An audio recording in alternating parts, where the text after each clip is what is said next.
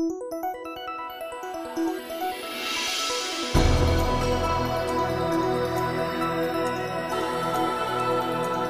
бацхан өрхөм сонсогчдоо Eagle Radio 91.1 радио жиргэн нэвтрүүлгийн пүрэв гарагийн дугаар эрхэм сонсогч та бүхэнд хүргэж боллоо. Тэгэхээр өнөөдөр өрнөж байгаа үйл явдлын сонин содон сонирхолтой мэдээлэл Twitter орчинд өрнөж байгаа үйл явдлын зарим мэдээлэлээс онцлон ишлэн та бүхэндээ наран төгс гамбайрнаар тайлбарлаж чадах ятгаараа хүргэх болно. За өнөөдөр бол 4-р сарын 1-ний онцлог өдөр өөрөөр хэлэх юм бол за олон улсад бол инедмийн баяр нэртэй болдог боловч Европт бол ялангуяа соц гих орнуудын өгшөлтэй орнуудын хувьд бол Дракутын баяраа гэж тэмдэглэдэг нэг ийм баяр гэдэг.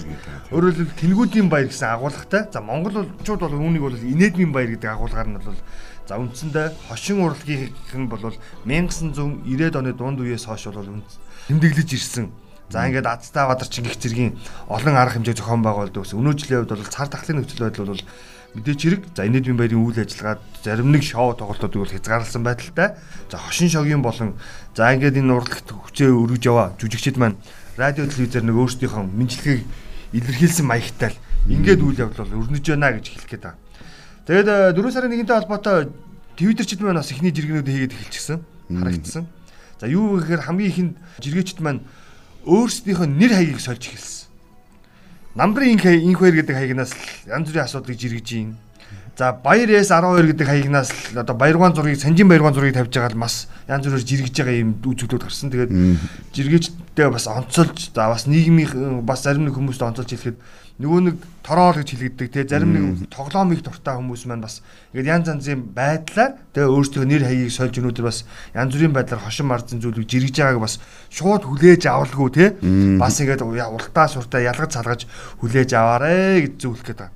За энэний нэг жишээ болсон жиргэг би энэ Ганбаатар гişүний Жамблын Ганбаатар гэдэг Оргилын Ганбаатар гэж хэлдэг те улсын их хурлын гişүн тэрний жиргэг онцлох гээд байна. Тэр нөхөр нэг жиргэг оруулсан. Ямар жиргэг оруулсан бэхээр өөрийнх нь жиргэг оруулсан. За ингээд өөрийнх нь зурагтай Жамплын Ганбаатар гэдэг хаягнаас Сүхбаатар гишүүн намайг хулгайч гэж хэлснийхэн төлөө шангаа хүртэх болно. Намын уулзалт Энкантогийн саунд болоход би түүний тэр энх хоёр Б хоёртай хамт урахгүй оруулахгүй гэр бүлийг нь оргоо ориглоор үйлчлүүлэх эрхийг нь хааж байгаа энхүү жиргээр далимдуулан илэрхийлж байна гэж хэрэгжсэн.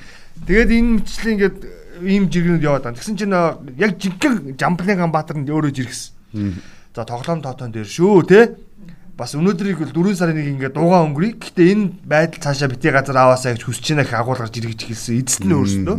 За тэгвэл намбрын инх хоёр за баяр санжийн баяр гэдэг хаягнууд жишээлбэл бас нэг иймэрхүү маягтай явж байгаа гэдгийг бас манай жиргээчд маань бас ялгаж цаалгаж хараарай. Манайхан юм амрах иддэг улс те.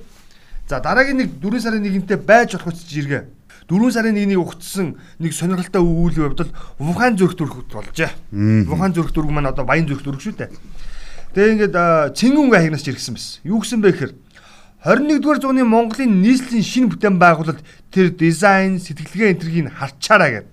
Нэг зураг тавьчихсан. Орон сууцны хорооллоо.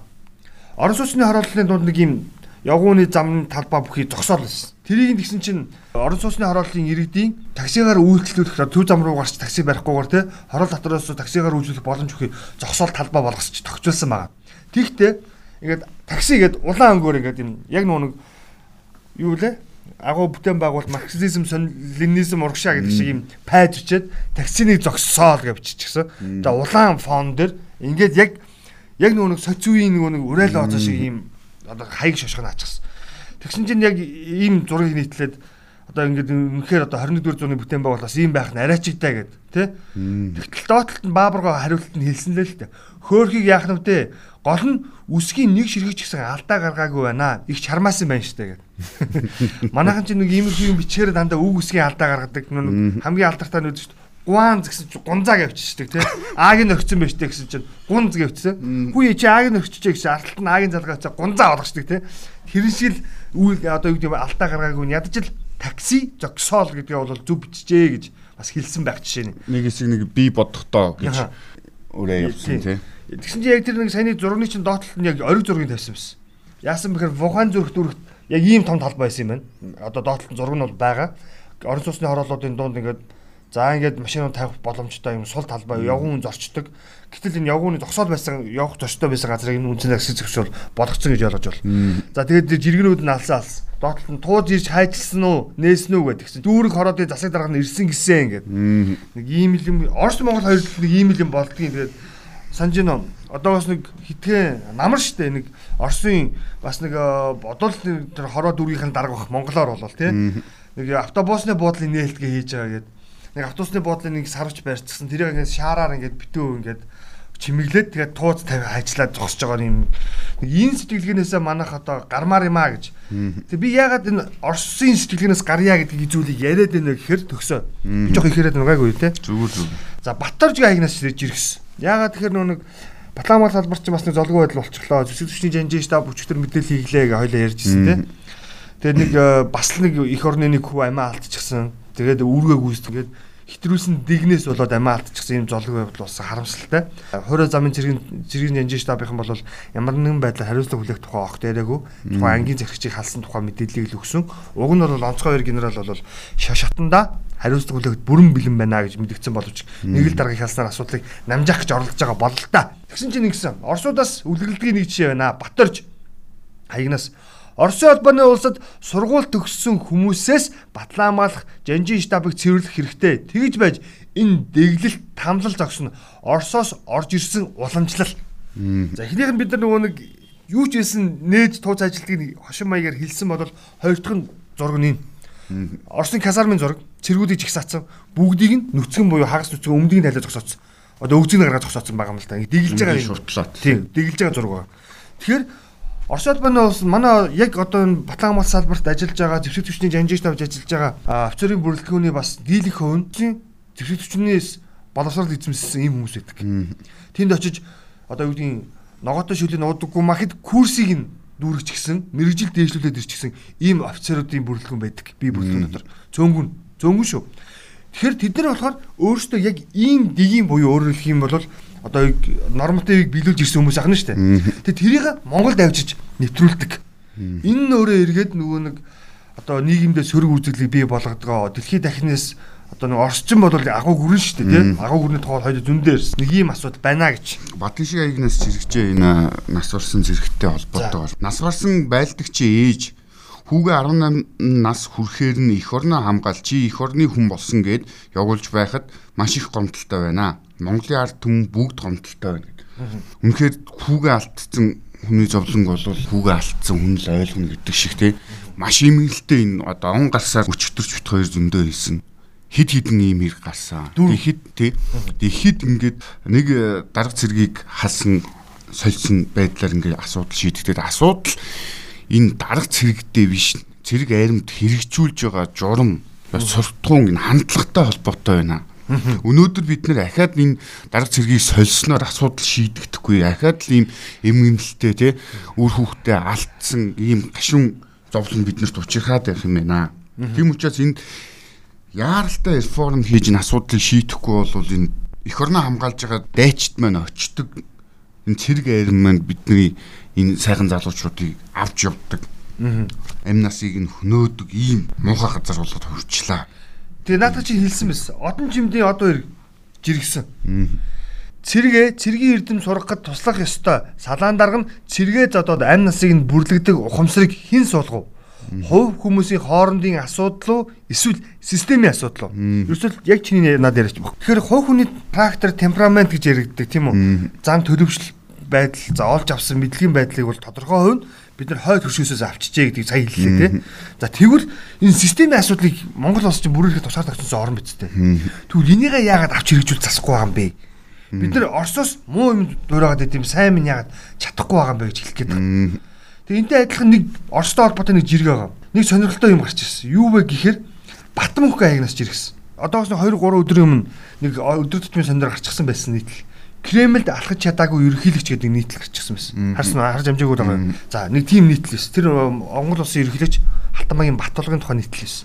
Кремлд алхаж чадаагүй ерөнхийлөгч гэдэг нэртэй. За тэрийг уншсан сэтгэл нь би бид дотооддол Оросын хүргэн гээд байгаа болохоос гадна талдаа Оросууд Батулгыг хүргэн байхгүй тусгааруулсан ерөнхийлөгч гэж тоохгүй байх шигэ. Яагад гэвэл манай ерөнхийлөгч Москвад албан ёсны төрийн ажил хийх гэж 4 жил хүсэл тавиад бүтсэнгүй. За энэ жиргэний доотлолтууд маш олон сэтгэл орж ирсэн. Нөө нэг маяачууд жорж ирсэн, дэмжигчид жорж ирсэн, эсэргүүцэгчид жорж ирсэн. За зүгээр ямар төр зүрх гаргаж ирсэн бэ? Нийтлэл нь өөрөө юу байсан бэ гэхээр товчхон мэдээлэл өгөхөд Кремль алхаж чадаагүй ерөнхийлөгч гээд Батулга гэдэг Монгол улсын ерөнхийлөгчөөр томилогдчиход сонгогдчиход тий. Ингээд манер Орос улбаны улсад төрийн буюу албан ёсны айлчлалыг нэг ч удаа өнөө хүртэл хийгээгүй юм байна. Зөвхөн Владивостокийн эдийн засгийн форум гэдэг зүйлд хоёр удаа оролцсон. За ингээд Европын холбооны улсуудад болохоор ямар учраас очисон бэ гэхээр нэг АСЕМ-ийн чуулга уулзлаадаг тий. Энэнийг одоо хамгийн сүүлд Монгол улсад зохион байгуулагдсан. Тэгэхээр дараагийн улсад хүлээлгэж өгдөг гэдэг уламжлалаараа АСЕМ-ийн чуулга уулзалт оролцсон байдаг. За ингэ зогссон. За тэгвэл үүний дараа өөр ямар айлчлал хийсэн бэ гэхээр манай бүгд нарт хятад ард улсад алтартаа хонио авч өгөхөр нэг айлчлсан байдаг. За ингээд ерөнхийлөгчийн аль биесны айлчлал болчдөг юм байна. Гэтэл Шанхай хамтын ажиллагаанд бас орж очсон тийм байр суурнаас очсон тий. Тийм. Гэтэл Оросын холбооны улс яагаад манай нэрийг авахгүй байгаа бэ гэдэг асуудал өөрөө асуудал татаад хэлсэн. Одоо ингээд Спутник вакциныг оруулж ирэхтэй холбоотойгоор нэг 20 мянган тонн оруулж ирэх гэж байгаад 10 мянган тоннгийн ерөнхийлөгчийн айлчлал зориулаад хадгалж исэн чинь Оросууд манад ерөнхийлөгчийн хүлээлгөөр нааш наццсан гэсэн мэдээлэл ирсэн. Өөрөөр хэлэх юм бол Оросууд дипломат ясн маш сайн суралцсан учраас тий айгүй өвтэхнэр за ямар ч гэсэн вакцины чи явуулчихъя гэд тий чамайг авахгүй гэдэг өвтэх илчлээ. Гэтэл Монгол улсын өмнө сонгогдчихсэн дөрвөн ерөнхийлөгч дөрвөлээ Орос улбаны улс болон тэр бүхэл нүүби эндэр дээр очиод үг хэлсэн байт юм бэл. А гítэл энэ удаагийн ерөнхийлөгч маань ерөөсөө жудогийн татами дээр л очисон байдаг. Тийм ерөнхийлөгчийн хувьд. А нүүби эндэр дээр нэг ч очиагүй байдаг. Нэг юм асуудал. Манай нөгөө гадаад бодлого нэг цонхоор гадагшаа ерөөсө хардгүйтэй энэ холбоотой тий. Төрийн гурван өндөрлөг нь өөр өөр байр суурьтай ингээд хоорондоо уулзраа олж чадахгүй болохоор нөгөө гадаад улс орнууд бол тэр үйлдэлээр харуулад нь шүү дээ. Одоо жишээ нь айлчлалыг нь зөвшөөрөхгүй байна гэдэг бол энэ хүний Монгол Батулга гэдэг хөв хүн гэхээсээ илүүтэй. Манай энэ төрийн нөгөө бодлоготой холбож тайлбарлахаас өөр аргагүй. Дээр нь бас энэ Монголд байгаа ялангуяа хойд урд хөршийн элчин сайд нар их эвгүй эвгүй мэдгдлүүд хийдэг болцсон. Тэ? Бид нар ингээ дотроо очроо болохгүй нэгдмэл биш байр суурьтай. Ингээ байгаад байх дээр энэ хүмүүс хүртэл доромжилдог болж шít үндэсний телевизийн гаргах гаргахгүй юм ийг зааж ийн те танаас бид нар нүүрс аваад ах шаардлагагүй. Гэд хятад зүс хэлждэг те тэгтээ та нарыг бодоод авч байгаа шүү. Гэсэн юм ярьж ярьж жишээ нь. Гэтэл манай нөгөө ганц сайлын үнэ гэгдэж байгаа. Одоо оюу толгой гихт чинь маш хүнд нөхцөл байдал үүссэн талаар тий. Хөрөнгийн биржүүд дээр энэ хувьцаа нь ханшид нь өөрчлөлт оруулаад эхэлсэн. Хэдтийн талаас маш өндөр шаардлага тавиа нөгөө халдвар илэрсэнтэй холбоотойгоор юм үүсэж байгаа нэг 2 сарч байдаг юм уу? Доолтол нь хугацаагаар энэ хязгаарлалт хийсэн. Хязгаарлалт явах нэ. Бүгднийг вакцинжуулалтанд хамруулад хоёр дахь тунгийн хийсний дараа бид нар энэ үйл ажиллагааг сэргээнэ гэдэг бүгд наймт хятад ард улсын зүгээс байр суурийг илэрхийлсэн гэдэг. Ингээд ийм ийм асуудлууд өнөж байна. Тэгэхээр бид нар тийм нийтлэг жишээлбэл одоо манай сонсогч нар өөртөө олоод уншаад хараад байгаа. За сонин цэг юм ээ гэдэг нөгөө сонингуудын нийтлэг гаргадаг бас сайтн дээр ч гэсэн явж илээ. Тэгээ өөртөө ороод унших юм бол энэ нөгөө бид нар Батулга гэдэг ерөнхийлөгчийг муулах гэдэг үзэгдэл биш ээ. Монгол улсын гадаад харилцаа гэдэг асуудал чинь өөрөө ямар хэмжээнд очсон юм бэ? Манай төр өөрөө нэг толгойтой байж чадахгүй шүү дээ. Төрийн нөгөө нэг хар харьцагны бодлого тий. Монгол улсад гадаадад яаж харагдах вэ гэдэг эн чинь өөрөө нүүнэг балиар намжрахал гэдэг юмнаас аан болоод тийм үү. Ингээд бид гадаадад ямар харагдаж байна гэдгийг эндээс одоо уншаарай л гэж хэлэх гээд гол санаа. Тэгээ дээр нь энэ эдийн засгийн хувьд бол бид нар амар их хохирол амсч байна. Энэ ковид өвчнөөс гэтэл бид нэр хүмүүсээ алдаагүй мөртлөө хэдийгээр халдвар авсан ч байгаа ч гэсэн гаалааднуудынхаа буйнаар эдгэрж байгаа тий засгийн газрын бас гайгүй хэрэгжүүлсэн бодлогын үр дүнд явж ин гítэл бид нар энэ цэрэг амиа алдсан асуудал тий зүгээр өөр өвч шалтгаанаар бид нар маш их хүнээ зүүн усаар хорвоогоос алдаж байна гэдгийг нь судлаач ган үе гэж иргсэн байлээ. Хүн амны хэргийн статистик хүн алсан 2009 19 онд 197, 2020 онд 377 хүний амиа орлох нөхцөл байдалд хүргэсэн хэрэг 2019 онд 192, 2020 онд 122 хүний амь насыг болгоомжгүйгээр хохироосон хэрэг 2019 онд 59, 2020 онд 59 байна. Зөвхөн 2021 оны эхний 2 сард 44 хүн амиа алджээ. Энэ айгүй амар тоонууд яваад байна. Тэгээд орноо хууль хүчний байгууллага гэж хэлэгддэг цагдаагийн байгууллагаас ер нь бол яг энэ амиа олдсон иргэдийн тоог бол нууцлах гэсэн мэдээлэл байдаг. Өөрөөр хэлэх юм бол нийгмийг депресстүүлэхгүй, стресстүүлэхгүй гэдэг зорилгоор тэр дотроо нүг золгүй байдлаар амиа алдсан иргэдийн тоог бол маш их дарддаг гэсэн юм мэдээлэл байдаг. Золгүй байдал чинь нөгөө нэг цаг бусаар амиа алдсан тохиолдолд бүгд ордог. Гэтэл хамгийн харамсалтай нэг тоо мэдээ нэг бас гарч ирсэн. Юу вэ гэхээр золгүй байдал дотор чинь нөгөө амиа хорлох гэдэг үзэгдэл нь өөрөө хамгаалсан байна. Энэ дээр бид өөрсдөө нийгмийг төлөвшүүлэх, нийгмийн сэтгэл зүйг өөрчлөх те одоо жишээлбэл энэ Батлан хамгаалах салбарт амиа алдаж байгаа явдал чинь бас энэ нэг жишээ нөхгүй. Золгүй байдлыг чинь тоог өсөж байгаа нэгт үзүүлэх. Гэтэл үүнээсээ бол балаад одоо сүүлийн үед одоо өндөр байшин дээрээс хүн унж байгаа асуудал. За ёстой худалч хүнд бол өдөрт тий 7 хоногт нь 20-оос 3 гэдэг тоо гарч ирээд байна шүү дээ. Энийг уг нь дарддаг гэдэг. Гэтэл олон нийт мэдээд байгаа нь энэ байгаа юм чинь дарж байгаагийн цаана хэд байгаа гэдэг чинь өөр аимшигтай. Тэгэхээр бид нар нийгмийн сэтгэл зүг бай тийм үү? Нөгөө системийн хандлага тийм үү? Нөгөө нэг бүх салбарын тодорхой хэмжээний төлөвшүүлэх, өөрчлөх, хандлагыг өөрчлөгээд энэ төгсөө гамбай төрийн яриад байгаа чинь энэ дээ ерөөс. Тэр нь одоо энэ шүүх байгууллага гэхээс илүү шүүхийн шинжилгээний хүрээлэн гэж нэг аюултай газар байдаг лээ тий дандаа шинжилгээнг өөрчлөлттэй гардаг хүмүүс гомдол гаргаад байдаг тий үнэн мөнөөр нь мэдээлж өгдөггүй юу? Дандаа нөгөө золгүй шүүх шинжилгээний хүрээлэн тий. Явуулж идэг. За тэгтэл өчтөр засгийн газрын хуралдаан болсон үнэтэй холбоотойгоор хууль зүйн сайд жиргсэн бас л энэ хүн амны нөгөө 8 оноос хойш гэхлээр ч одоо хэд дүү 24 жил үү? 20 3 жил. болж байгаа төр нийгмийн зүтгэлтэн зориг агсны хэрэгтэй холбоотойгоор өчтөр бас нэг шүүх хурал улсын ирүүдийн шүүсэн гэдэг. А тэрнтэй холбоотойгоор засгийн газрын хуралдаанаар нэг шийдвэр гаргажээ. Тэр нь болохоор хууль зүйн сайд Нямбатар ингэж иргсэн байна. Өнөөдрийн засгийн газрын хуралдаанаар эс зориг агсны амь насын хөнөөсөн хэргийн материал болон холбогдох бичлэгүүдийг бүхэлд нь нууцаас гаргахаар шийдвэрсэн. Энтэй холбоотойгоор одоо энэ хэргийг оролцогч нар буюу одоо илрүүлж исэн тануулын ерөнхий газрын дарга байсан хурц прокурорын тийм хянсан прокурор Эрдэнэт эднэр бол энэ хэргийг нэг хагас дутуу хагас дутуу бичлэг гаргаад бол хэргийн яг мөн чанар бол мэдэгдэхгүй энэ захиалагч гэдэг юм одоо илрүүлэх ажил бол маш аюултай байдалд орлоо. Тийм учраас энэ хэргийг бүхэлд нь нийтэд нь материал авагдсан материалууд тэр ирүүдийн шүүсэн гэдэг га бичлэгүүд зэргийг бүгдээрнгийн нууцаас гаргаж иж олон нийтэд ил болж иж энэ хэргийн үнэн мөн учир нь тогтоогдноо. Тийм учраас ийм үсэлтийг гаргаж ийна гэдэг ерөнхийлөгч гэсэн үсэлт гаргаад байдаг. Тэгээ ингээд холбоотойгоор тэгсэн хуульч мэрэгэн энэ эрхтэй нэлээд өмгөөлөгч юм ярьсанаас олцож исэн жиргсэн байгаа. Зоргийн эргийг бүхэлд нь буюу бүх материалыг нь ил болгоно гэсэн юм байна. Гэхдээ эрүүдэн шүүсэн гих хэрэг үндэсний аюулгүй байдлын зөвлөл танилцуулсан протокол хэн хэргийг илрүүлэхгүй талаар хөөцөлдөж байсан тухай гүйцэтгэх ажлын баримтууд ил болж байж бүх бузар булгаа илчлэгдэх учиртай гэдэг жиргсэн. Бид нөгөө биднэрт бас нэг зарим асуудал дээр бол ялангуяа энэ эрх мэдэлтэй хүмүүс улс төрчнөр цонхны цаанаас чихрд олоолгоно гэдэг шиг те. Нэг сийг үзүүлчихэд ийм уухай юм хийцэн байж тээ ингэсэн байж тээ гэдэг ингээд бүхэлд нь альва юмыг харахгүйгээр те. Тастаж авч ингээд үзүүлээд байхлаа бидний бас нэг маргалдах хин нэгээ буруутгах энэ шалтгаан бол энэ болоод идэг.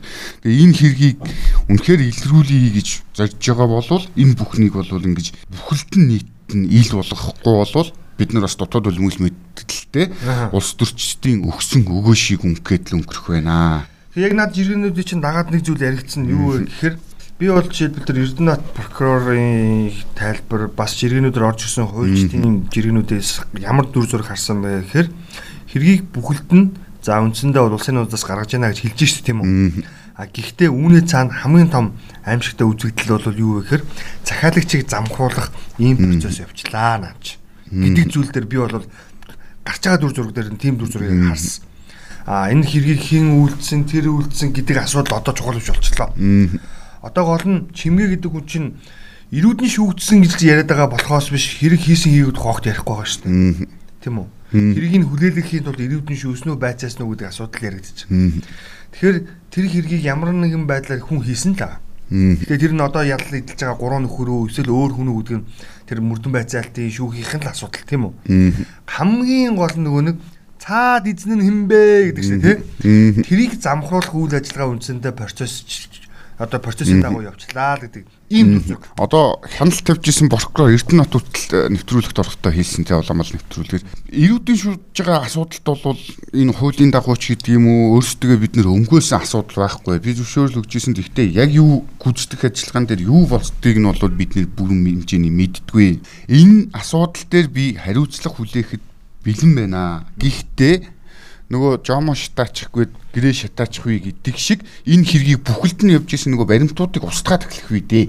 Мэдээж Энээс л би санаа зовж юм гэд. Тийм болохоор энэ бүхэлд нь энэ хэргийг үндэсний аюулгүй байдлын зөвлөлт танилцуулсан протоколтой хамт ил болох хэрэгтэй байна гэдэг л юм яриад.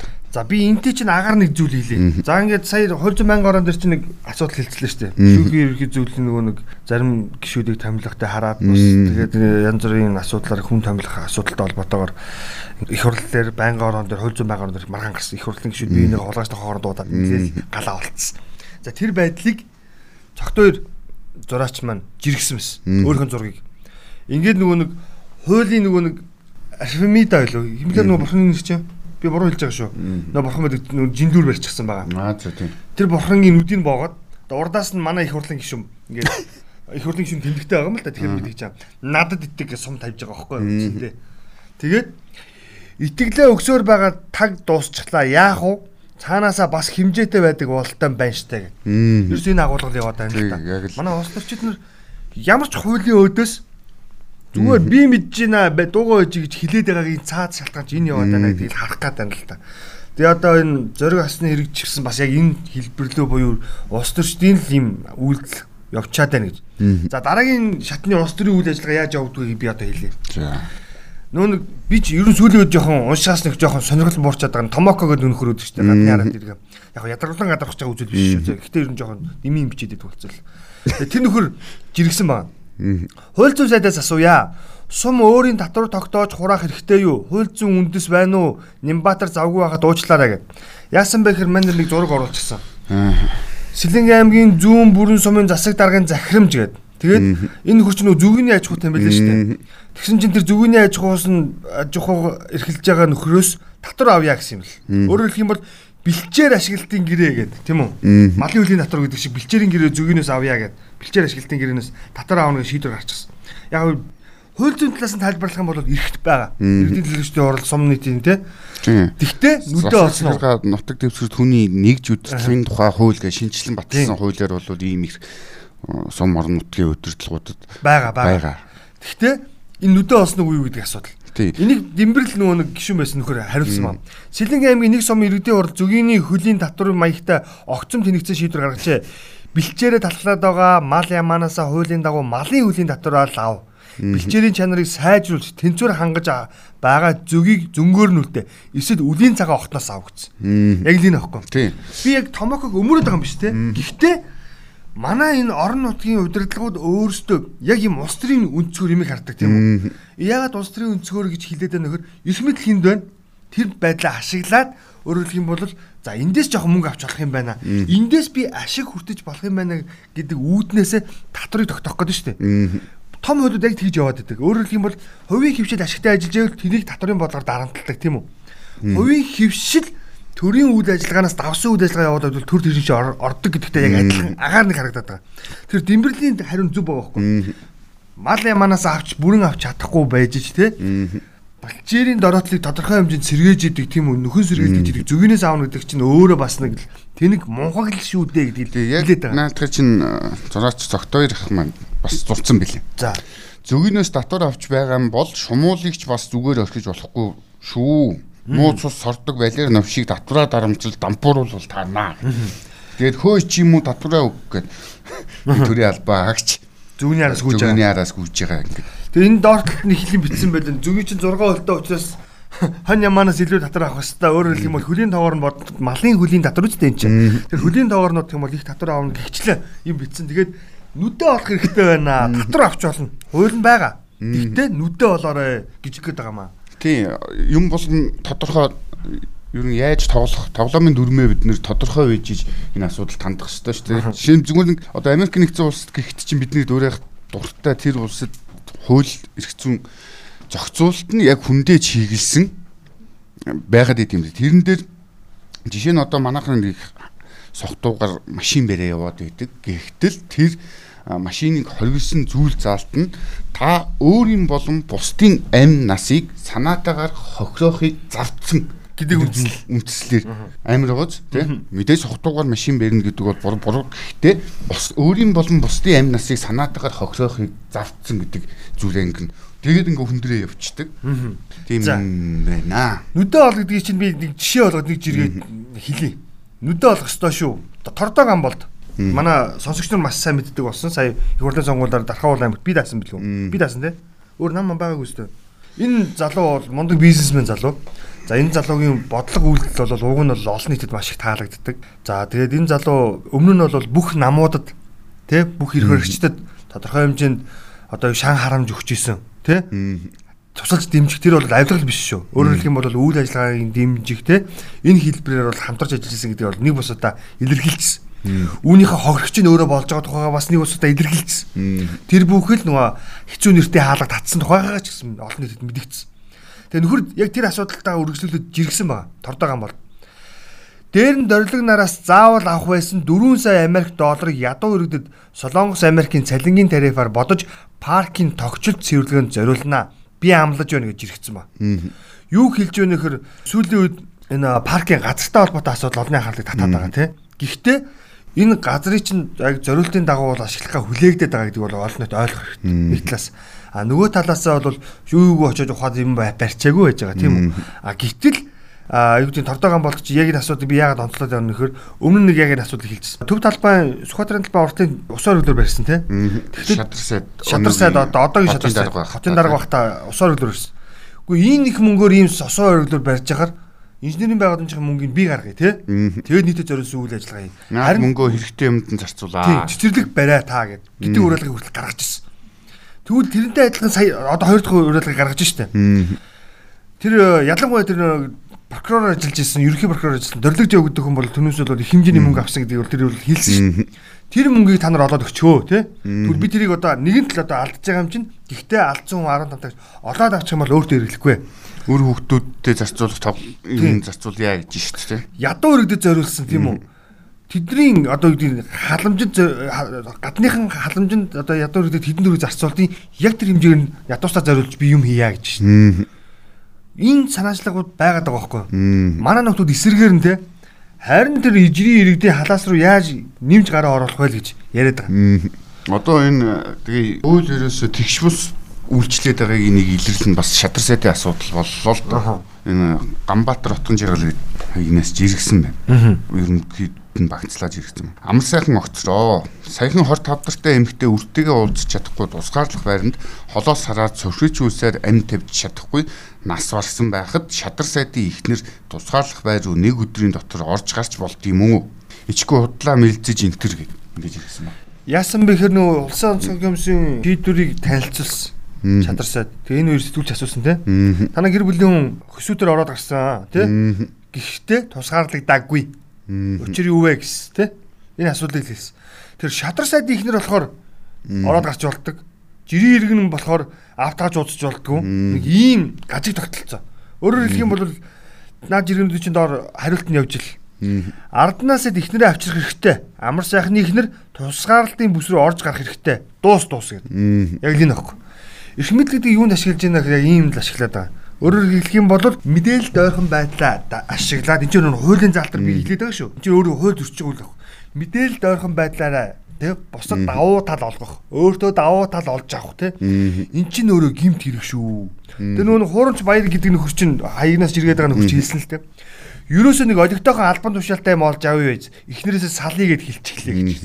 Мэдээж өвчин зовлон бол хүнд хэлж ирэхгүй хийсч ирдэг тий хадам аав нь өвцөн байж болно. Тэр бол хүн зохиолч хүн хийсэн л асуудал тий. А гэхдээ тэрийг шадар саридын ихнэр гихлээрээ заавал ингээд нөгөө нэг тусгаарлалтын дэглэм юмыг зөрчин зөрчин ингэж ингэж яваад байдаг ийм асуудлуудлаа болооч хэл. Тэгэхэд жирийн иргэн болохоор яаж чадахгүй тэр нэг эмхтэй үртлөө өөрхөө аавынхаа ажил явдалд ч орж чадахгүй үлсээр байгаа л өнгөрсөн явдал болж л байсан тий. Тэгээ би энийг бол юу гэж харсан бэ гэхээр ингэс хүн юу тарин түүнийгээ өртнэ гэж.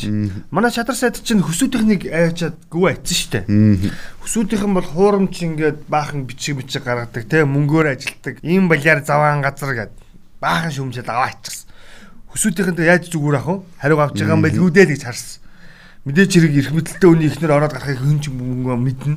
Ядаж яхад шадар сайдын гэр бүлийн хүн маань бас олонний танил хүн байж идэг.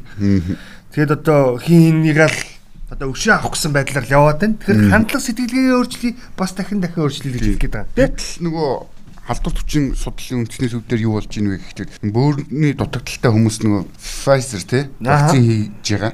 Тэгэхэд ийм хүмүүс бол дандаа гемодиализийн аппаратанд өдөр болгон ордог. Байнгын нөгөө би чаддаг. гемодиализ А гемодиализ за за. Тэгээ ийм хүнд өвчтэй хүмүүс байдаг. Гэтэл энэ өвчтэй хүмүүс өвчнийхээ хажуугаар бөөрийн одоо энэ ануудаар жиргсэн байна. Бөөрийн дутагдaltaй хүмүүсийн вакцинж бол хамгийн эмзэг эрүүл мэндтэй бүлгийн нэгэ хідэн ч цаг зогсож байж орох юм бүү мэд 30 минут зогсоход нэг ч ахисангүй гэд зург оруулсан байгаа. Алдарч чинь судлалын өмчөнд нөгөө зайтай зайтай зогсдгоороо зогссон. Хүн орны зайгаа бариад. Тий. Энэ энэ асуудал ахгүй юу? Ийм байж ихтэл тэгэл тэр хүний их нэр гэхлээр орж гараалгүйгээл явж идэг тий. Одоо энэ бөөрний буюу өөрөөр хэлбэл суур ийм архаг өвчтөе хүмүүсийг үгүй яг очиод харж байхгүй хаягаар нь. Энэ нэг амтныг бас нэг тэг биеийн байдлыг нэг эрсдэлд оруулан гудмаар явуулан барин байж авч тайраа хэлэх шаардлага байсан уу юу гэж. Энд чи цөөхөн иргэн юм бэлэн штэ. Тэг энднийг аваачаад хаягаар нь авч хуваагдж очил тарчмаар байгаа байхгүй. Уг нь бол би байсан бол би шадар сайд байсан бол тэгхийн бол бас нэг хил амнаас нэг холоор хөрчих юм те. Өөрөөр хэлбэл өвчтөе өндөр настай ийм суур өвчтөе хүмүүс чинь эрсдэлтэй бүлгийнхаа учраас уур бити гараараа гэртээ байгаараа л гэд зөвлөдөө штэ. Тэгсэн хэрнээ хурж иж тариулаагаа хэлээд байгаа чинь юу гэсэн үг юм бэ гэж. Тийм үү? За дараагийн нэг асуудал үүссэн. Тэгэхэд одоо энэ засгийн газрын хэвлэл мэдээллийн албаны дараа ган зөргиж ирсэн байсан л 512 хүн вакцин хийлгсэн хүмүүсүүдээс тий халдвар авсан байна. Эрэг гарсан байна. Тийм болохоор энэ нөгөө анхаарлаа бид нэр содруулахгүй байх хэрэгтэй байна. Халдвар хамгааллын дэглэмээ сайн барих хэрэгтэй байна. Ингэхгүй бол энэ юм үр дүнгүй болох гээд байна гэсэн байсан. Тийм болохоор одоо энэ ажлуудаа бас зохицуулмаар л хатдаг. Харин нэг гараараа нөгөө гараараа л ерөнхийдөө боож унаагаад шүү дээ. За дараагийн нэг асуудал үүссэн сэдв байна. Эрдэнэбаатар гэдэг нэг археологч байдаг. Мундаг археологч. За ингээд сүүлийн хэд хэдэн чухал олдруудыг олсон тий. За ингээд манахан баг мэдхэд байх төө тэгээд. Тэгсэн чинь нөхөр асуудал үл тарьсан. Яасан бэ гэхээр нөхөр эртний үнэтэй олдруудаас чинь бас нэг кармалдаг байсан юм уу гэдэг асуудал үүссэн. Live TV цэгийн мэн гэдэг хаягнаас жиргсэн. Emoji Production-ы менежерээр ажилладаг Адианам шинжлэх ухааны гавьяа зүтгэлтэн археологч Эрдэнэбаатар ээжтэй минь хамтран амьдарч байсан юм аа. Амьдрал чинь хэрэгтэй бол зарж борлуулна үстэй хэмээн надад бэлгэлсэн хэмээн эрүүгийн цагдаагийн албаныханд баригдсныхаа дараа мэдүүлсэн сурагтай.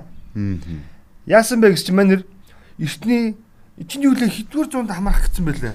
Айгу тийм маш хоор юм олдуруудыг аваачаад харцхийн худалдаач нар гэж хэлэгдэх те. Өмнөд идлийн заргаж жагаад баригдсан.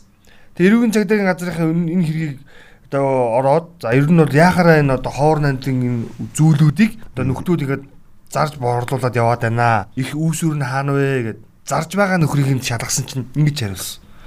Тэгсэн чинь энэний хариуд нь жиргэнүүд гарч ирсэн л дээ. Пончик хаягнаас жиргсэн. Женког хамгаалаад хүмүүстэй хэрэлдээд байдаг нөгөө агаа анаа хоёр нийлж ягаад археологийн олдруудаа гяттуудад зараад яваа мó гэсэн. Ерөөсөө дийлэх жиргэн юм бэл. Бат инженер хүртэл ирсэн байсан. Санжон санжон жилийн өмнө намайг барьж идэх гээд Моячуудыг яагаад гэсэн гэхлээр Женког өмөрөөд исэн нөгөө хоёр чинь өөрөөсөө ийм хүмүүс байжээ гэд бас л харьцуулсан жиргэнүүдээр ингээд тавьсан байсан. Энэ бол би бодлоо арайг өгдөг шиг жиргээчд маань харсан бах те. Ийм Археологч Эрдэнэбаатар гэсэн чинь бас өөрөө жиргэжээ. 1937 онд дургүй хүнээ худлааг өрөөд гөрдөөд шорон тамлаж байсан гинлээ. 21-р зуунд энэ давтагдахгүй гэдэгт итгээд сууж байхаас та өөр чи юм алга шивдээ. тэгээ би бол бас гайхаад байгаа наадах чинь. Түүхийн ухааны хүмүүс арай өөр бах тийм үү. Гэхдээ ийм хэлбэрээр юм зарж борлуулад явж гинэ гэдэг бол өөрөө өөрөө зарг байгаа шүү дээ тийм үү. Ингээд хин нэгэнд өвлүүлэх ч юм уу бэлгэлэх журмаар байсан явсан хэсгийг шалгах. Ингээ явж гинэ гэдэг нь харамсалтай байна гэж. Гэтэл Тэгээ шүүгээр Ятар- үнэн мөн тогтоогдох байх уу? Бид нар сошиалоор яллаад яах вэ те? чи чи бол өмөржл байгаа юм байна. За наригсан шүү. А гэтэл гятад яадаг вэ заяа хэлээ. Бат заяа фотограф гэдэг хаягнаас чиргсэн.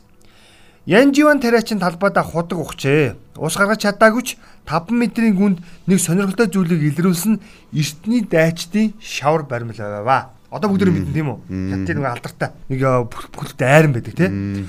Манер одоо асар баян болсон. За үзмэр үзсэн хүмүүстэй тааллаараа зураг авахулж гарын үсгтээ номоо зарсан шигээ сууж байна. Нөгөө тариач нь үү те? Нөгөө тариач.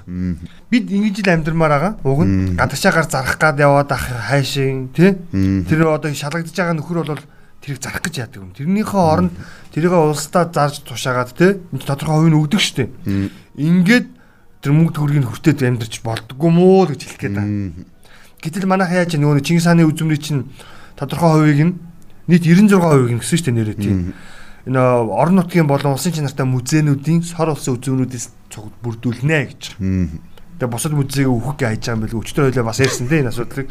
Ийм балиар мэдгүй юм мэдгүй яагаад ч тийм би ойлгохгүй. Чингис хаан одоо тэр нэг Чингис хаан гэж нэр авч маваад байдаг нөхөр энэ дээр үгэн болчихоо гэж хэлээд сувжмаар байгаа байхгүй ядаж тий. За өнөөдрийн цаг дууссан тухай эфирийн найруулагч хөмсөй зангидын илэрхийллээ. Тэгээд өнөөдрийн жиргээ бол энэ хүрээд өндөрлөж байна. Маргааш бол баасан гараг яхад таарсан өдөр тий. Тэгээ бүгдээрээ маргааш гоё шин мэдээлэлтэй бас эрэг мэдээллүүдийг бас эрен хай эрхэм жиргэж та бүхэн ч гэсэн бас эрэг мэдээлэл бидэндээ бас илгээж агаарай. Хүй нөө хин баяргаа өөрөө өөрөө жиргээд эхэлчихсэн байна. Хуурамч баярын зэрэгцээд. Гэтэ минь мэдсэн байна. За за. За маргааш ингэж шин жиргэнүүдтэй эргэн уулзсан өнөөдрийн нэвтрүүлгийг Ганбаяр наранд төгсгөх явууллаа. Баяр таа үзэгч сонсогчдоо. За баярлалаа.